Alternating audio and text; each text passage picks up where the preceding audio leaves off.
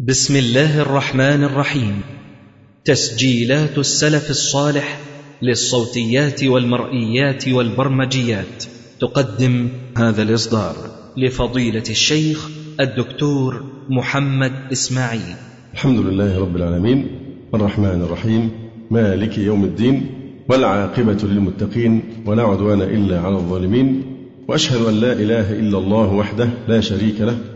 وأشهد أن محمدا عبده ورسوله. اللهم صل على محمد وعلى آل محمد كما صليت على آل إبراهيم إنك حميد مجيد.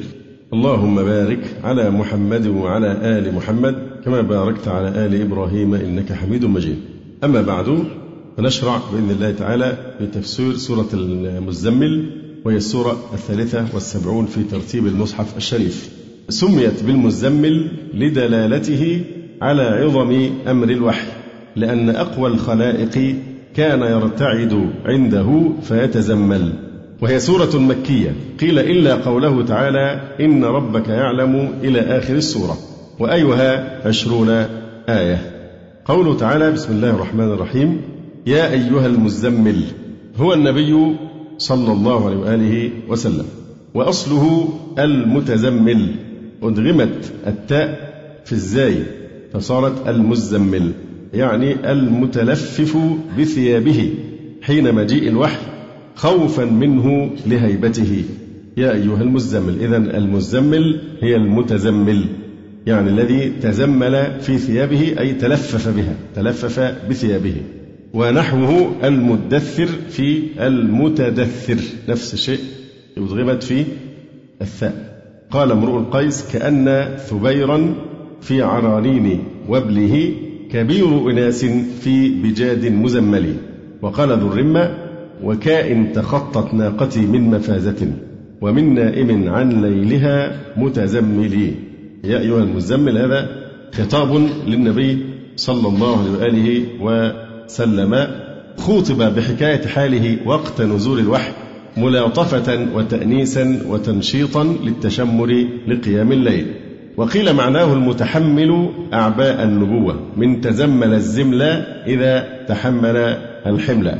لكن الحقيقة المعنى الحقيقي أو الأصلي لكلمة المتزمل أو المزمل يؤيد إرادته الأحاديث التي جاءت في قصة بدء الوحي فإنها تؤيد أنه يفسر بحقيقته المتزمل اللي هو المتلفف بثيابه لهول الوحي.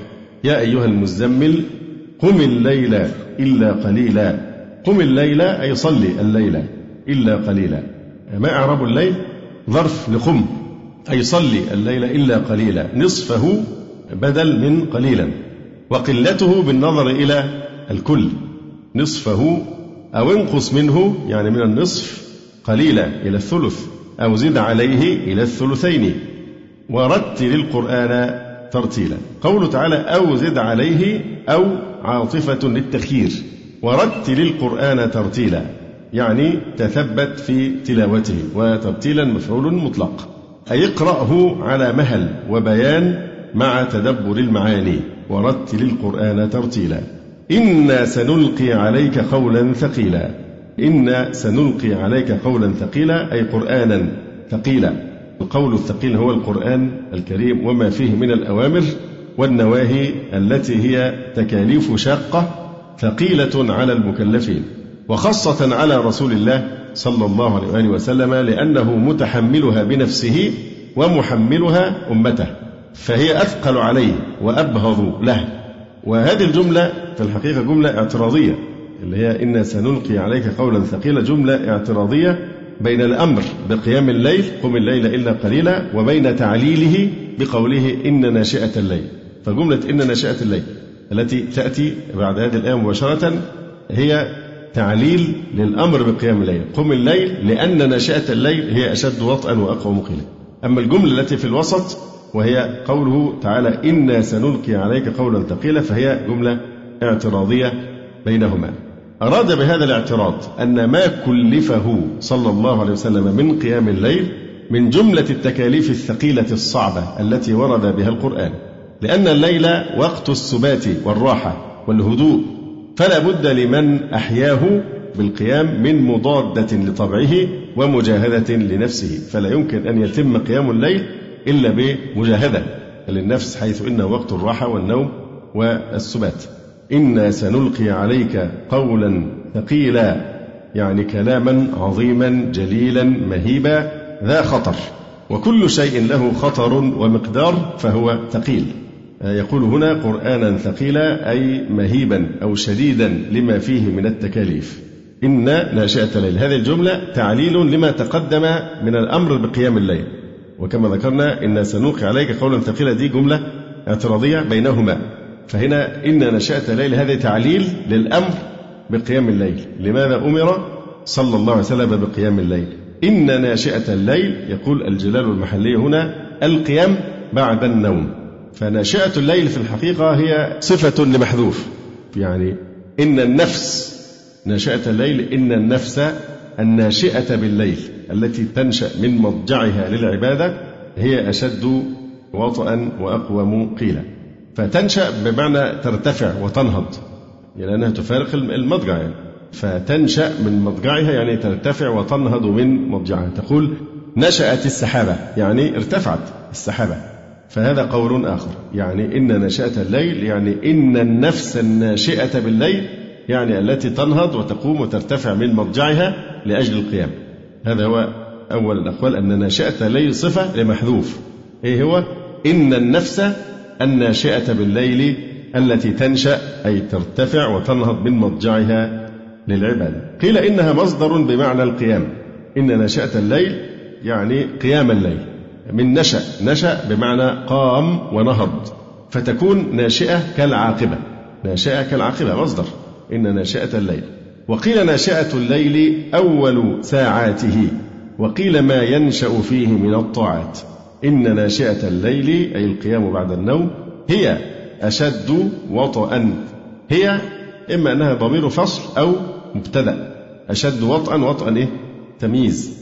أي إن موافقة السمع للقلب على تفهم القرآن تكون وقتها أشد لانقطاع الأصوات والحركات فيواطئ السمع القلب. وأقوم قيل يعني أبين قولا فقيلا هنا تمييز. إن لك في النهار سبحا طويلا. إن لك في النهار سبحا طويلا. ما إعراب في النهار؟ إن لك في النهار سبحا طويلا. إن لك سبحا في النهار طويلا. يبقى هي إيه؟ حال. إن لك في النهار حال. لأنه كان في الأصل صفة لسبحا. إن لك في النهار سبحا طويلا أي تصرفا في أشغالك لا تفرغ فيه لتلاوة القرآن. فالليل يعوض ما يحصل من الانشغال بالنهار. فسبحا طويلا هذه مصدر سبح سبحا. فاستعير من السباحة في الماء للتصرف في مناحي العيش وحوائج الناس. كأن الإنسان قضاء حاجاته بالنهار والسعي في العيش والرزق وكذا هذا كله كأنه بيسبح في الماء من الحركة والدوران والإيه؟ والجولان. فاستعار من السباحة هذا اللفظ هنا للتصرف في مناحي العيش وحوائج الناس.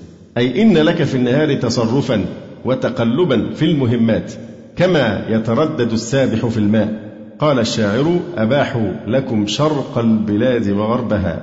ففيها لكم يا صاحي سبح من السبح. يعني تصرفا وتقلبا. إن لك في النهار سبحا طويلا تصرفا في أشغالك لا تفرغ فيه لتلاوة القرآن. واذكر اسم ربك وتبتل إليه تبتيلا. هنا يفسرها أي قل بسم الله الرحمن الرحيم في ابتداء قراءتك. والظاهر أنه أمر بالذكر يعني اذكر اسم ربك يعني دم عليه ليلا ونهارا.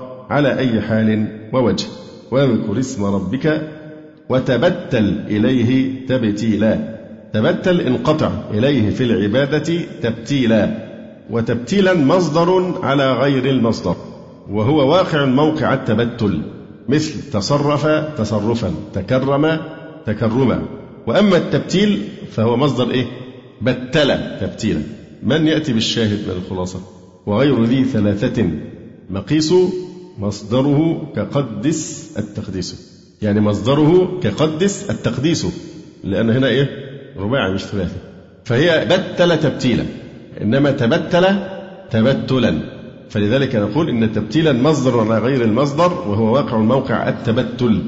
أما التبتيل فمصدره بتلا وتبتل إليه تبتيلا. يقول مصدر بتل واقع الموقع تبتلا الذي هو مصدر تبتل جيء به رعاية للفواصل أي لرؤوس الآية. وهو ملزوم التبتل يعني انقطع بعبادتك إليه تعالى ولا تشرك به غيره. وتبتل إليه وحده تبتيلا. رب المشرق والمغرب لا إله إلا هو فاتخذه وكيلا. رب المشرق والمغرب هنا قراءتان سبعيتان. إما أن تقول رب بالرفع على أنه خبر لمبتدأ محذوف يعني هو رب المشرق والمغرب. أو رب المشرق والمغرب ربي بالجر بدل من إيه؟ واذكر اسم ربك وتبتل أي تبتيلا ربك ربي. فيبقى بدل من ربك يكون مجرورا. وهما قراءتان سبعيتين طيب بين المشرق والمغرب طباق. رب المشرق والمغرب بينهما آه، طباق. لا إله إلا هو فاتخذه وكيلا. أي موكولا له أمورك. والفاء الفصيحة لأن المعنى إن عرفت ذلك وأمنت به فاتخذه وكيلا. واصبر على ما يقولون أي كفار مكة من أذاهم. واهجرهم هجرا جميلا أي لا جزع فيه. وهذا قبل الأمر بقتالهم. وذرني والمكذبين أولي النعمة ومهلهم قليلا. وذرني أي اتركني والمكذبين. ما نوع الواو؟ تحتمل اثنين الواو تحتمل إيه؟ أن تكون حرف عطف وأن تكون واو المعية. يبقى هنا وذرني أي اتركني والمكذبين عطف على المفعول وهو الياء في ذرني. أو إذا قلنا إن الواو واو المعية يبقى هي إيه؟ المكذبين إعرابها مفعول معه منصوب بإيه؟ بالياء. فذرني والمكذبين والمعنى أنا أكفيك أمرهم فلا تأس ولا تحزن. أو أنا كافيك هم وهم صناديد قريش. وذرني والمكذبين أولي النعمة. النعمة معناها التنعم إن النعمة بالفتح هي التنعم. أما بالكسر النعمة فهي الإنعام والنعمة المسرة بالضم. يبقى النعمة هنا يراد بها التنعم. وذرني والمكذبين أولي النعمة أي أولي التنعم. أما في اللغة فبالكسر معناها الإيه؟ الإنعام وبالضم معناها المسرة. ومهلهم قليلا يعني قليلا من الزمن فقتلوا بعد يسير منه ببدر. ما إعراب قليلا؟ لا يتفضل أحسنت. ظرف يعني ومهلهم قليلا قليلا ظرف زمان يعني قليلا من الزمان. وممكن تبقى شيء ثاني لها نعت لمصدر إيه؟ محذوف. ومهلهم تمهيلا أو إمهالا قليلا. يبقى نعت لمصدر محذوف. ومهلهم قليلا من الزمن فقتلوا بعد يسير منه ببدر. إن لدينا أنكالا وجحيما وطعاما ذا غصة وعذابا أليما. إن لدينا ما أعرب لدينا؟ لدينا طبعا لدينا شبه جملة شبه جملة إما يكون ظرفا أو جار ومجرور فهنا ظرف. والشبه جملة إذا قدم طبعا بيكون هو إيه؟ خبرا مقدما. إن لدينا يبقى لدينا آه، خبر مقدم ظرف. إن لدينا أنكالا. أنكالا اسم إن مؤخر. يعني قيودا ثقالا. جمع نكل قيد. إن لدينا أنكالا جمع نكل أي قيودا ثقالا. وجحيما نارا محرقة. وطعاما ذا غصة. يغص به في الحلق. وهو الزقوم أو الضريع أو الغسلين أو هو شوك من نار يغص به في حلوقهم. لا يخرج ولا ينزل. وطعاما ذا غصة وعذابا أليما أي مؤلما زيادة على ما ذكر لمن كذب النبي صلى الله عليه وآله وسلم. يوم ترجف الأرض والجبال وكانت الجبال كثيبا مهيلا. يوم ترجف يوم طبعا متعلق بقوله تعالى وعذابا أليما أو عذابا واقعا يوم ترجف الأرض والجبال. ترجف تزلزل الأرض والجبال وكانت الجبال كثيبا مهيلا. الكثيب رملا مجتمعا ومهيلا يعني سائلا بعد اجتماعه وهو من هال يهيل. فأصل مهيلا مهيول. استثقلت الضمة على الياء فنقلت إلى الهاء وحذفت الواو ثاني الساكنين لزيادتها. وقلبت الضمة كسرة لمجانسة الياء فصارت مهيلا. وفي المختار هال الدقيق في الجراب أو هال الدقيقة في الجراب صبه من غير كيل. وكل شيء أرسله إرسالا من رمل أو تراب أو طعام ونحوه فقد هاله فانهال أي جرى وانصب. وأهال لغة فيه فهو مهال ومهيل. وكانت الجبال كثيبا يعني رملا مجتمعا مهيلا أي سائلا منصبا بعد اجتماعه والتئامه. إنا أرسلنا إليكم رسولا. هذا كلام مستأنف. مسوق لخطاب أهل مكة على طريق الالتفات من الغيبة. لأن السياق واصبر على ما يقولون واهجرهم هجرا جميل وذرني والمكذبين. ثم قال هنا إنا أرسلنا إليكم. فهنا التفات من الغيبة إلى الخطاب. يا أهل مكة إنا أرسلنا إليكم رسولا هو محمد صلى الله عليه وسلم. شاهدا عليكم يوم القيامة بما يصدر منكم من العصيان. كما أرسلنا إلى فرعون رسولا وهو موسى عليه وعلى نبينا الصلاة والسلام. كما ما إعراب كما؟ أولا ما نوع ما هنا؟ ما ما مصدرين كما أرسلنا يعني كإرسالنا.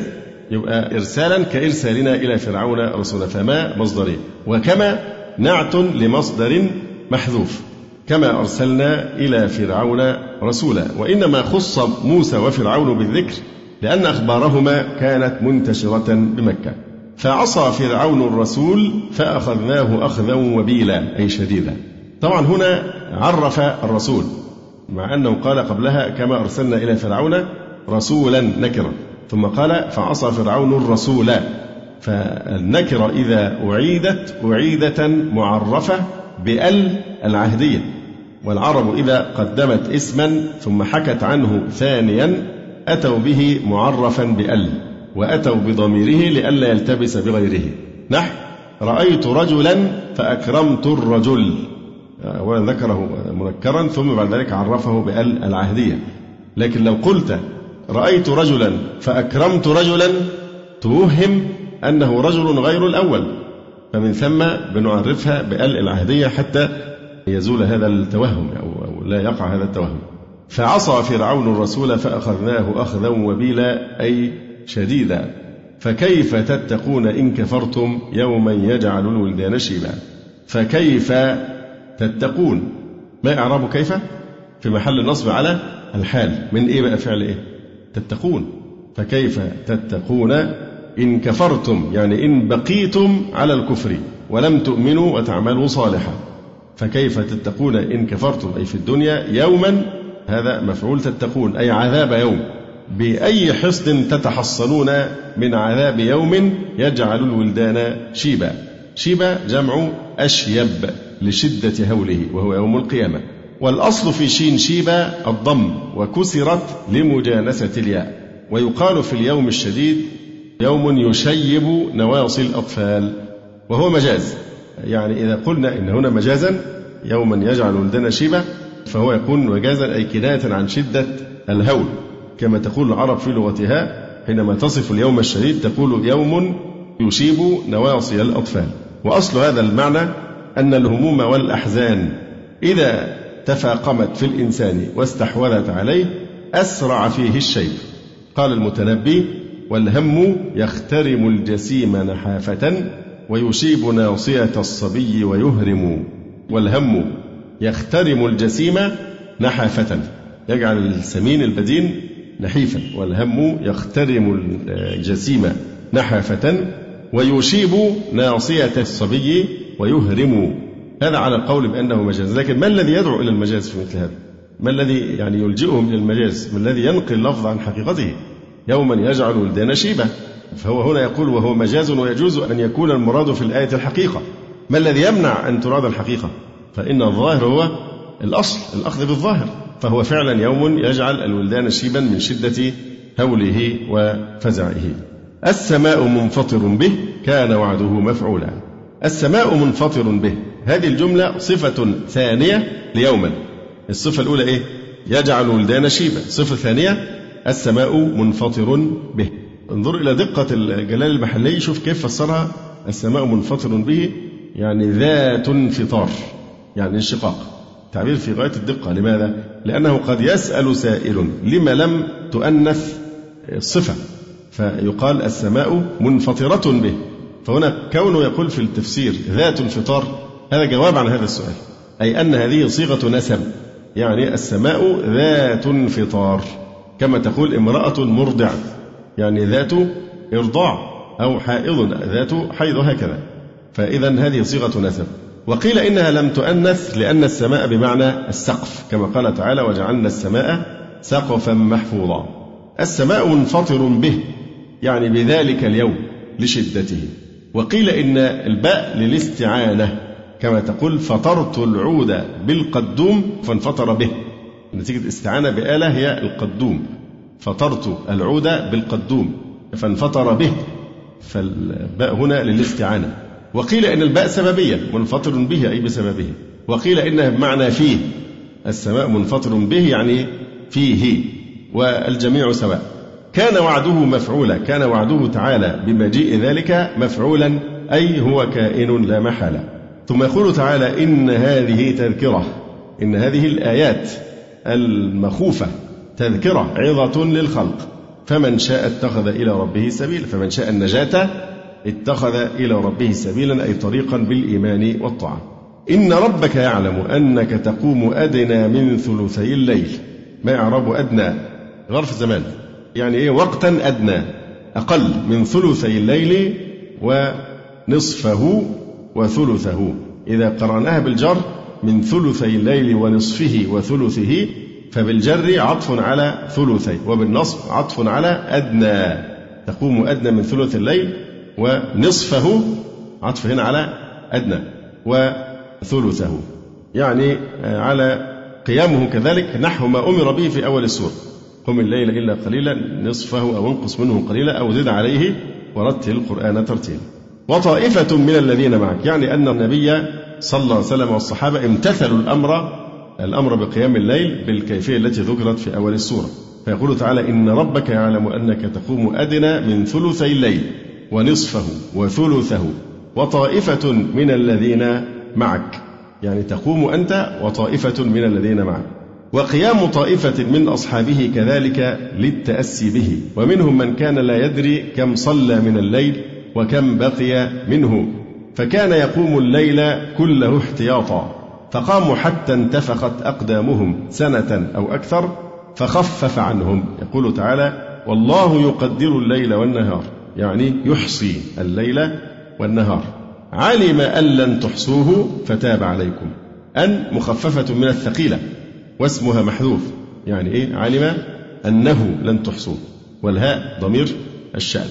علم أن لن تحصوه أي الليل لتقوموا فيما يجب القيام فيه إلا بقيام جميعه وذلك يشق عليكم. ما معنى هذا؟ معناه أن الله سبحانه وتعالى علم أنه لا يصح منك ضبط الأوقات ولا يتأتى حسابها بالتعديل والتسوية إلا أن تأخذوا بالأوسع احتياطا.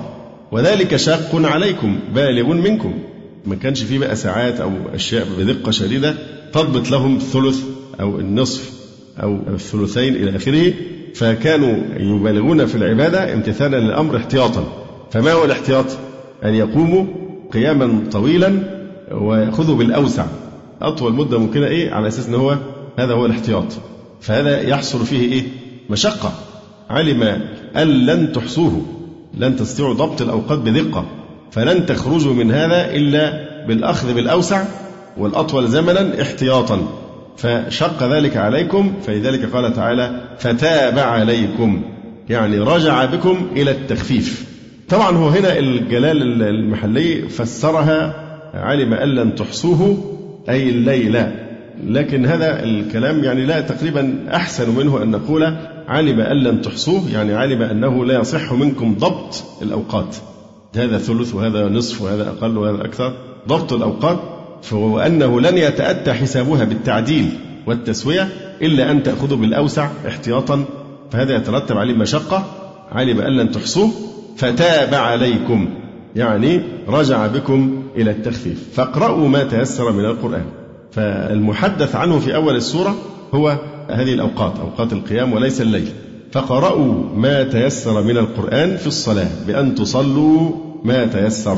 علم أن سيكون منكم مرضى. وهذا الكلام مستأنف. علم أن وهذه مخففة من الثقيل يعني علم أنه سيكون منكم مرضى وآخرون يضربون في الأرض يسافرون يبتغون من فضل الله. ما أعرب يبتغون؟ حال من إيه؟ من الضمير في قوله يضربون. يبتغون من فضل الله يطلبون من رزقه بالتجارة وغيرها وآخرون يقاتلون في سبيل الله. وكل من الفرق الثلاث يشق عليهم ما ذكر في قيام الليل. فخفف عنكم بقيام ما تيسر منه. ثم نسخ ذلك بالصلوات الخمس. يبقى في الأول كان فريضة قيام ثم نسخ بالصلوات الخمس الفرائض. فقرأوا ما تيسر منه يعني في الصلاة كما تقدم. وأقيموا الصلاة أي المفروضة وآتوا الزكاة وأقرضوا الله قرضا حسنا. يبقى وأقرضوا الله بأن تنفقوا ما سوى المفروض من المال في سبيل الخير. يبقى آتوا الزكاة هنا الأمر بالإنفاق في الفريضة. أما وأقرضوا الله قرضا حسنا فهذه في نوافل الإنفاق في سبيل الخير. قرضا حسنا يعني عن طيب قلب. وما تقدموا لأنفسكم من خير تجدوه عند الله هو خيرا وأعظم أجرا. وما تقدموا لأنفسكم. ما نوع ما؟ ما شرطية. في محل نصب مفعول مقدم لتقدموا. وما تقدموا شرطية. في محل نصب مفعول مقدم لتقدموا. وما تقدموا لأنفسكم من خير. ما يعرب من خير؟ حال. وما تقدموا لأنفسكم من خير تجدوه عند الله. هو خيرا يعني مما خلفتم وهو ضمير فصل واقع بعد معرفة. وما بعده أي خيرا وإن لم يكن معرفة فإنه يشبهها لامتناعه عن التعريف لاقترانه بمن مقدرة. وأعظم أجرا واستغفروا الله يعني في جميع أحوالكم فإن الإنسان مستهدف للتفريط. واستغفروا الله إن الله غفور. هذه جملة تعليلية للأمر بالاستغفار. إن الله غفور للمؤمنين رحيم أي بهم. أقول قولي هذا واستغفر الله لي ولكم. سبحانك اللهم ربنا وبحمدك أشهد أن لا إله إلا أنت أستغفرك وأتوب إليك. جزى الله فضيلة الشيخ خير الجزاء ونسأل الله جل وعلا أن يرفع مكانة الشيخ في المهديين وأن يجعله علما من أعلام الهدى والدين. ولا تنسونا وتنسوا الشيخ من دعوة صادقة بظهر الغيب.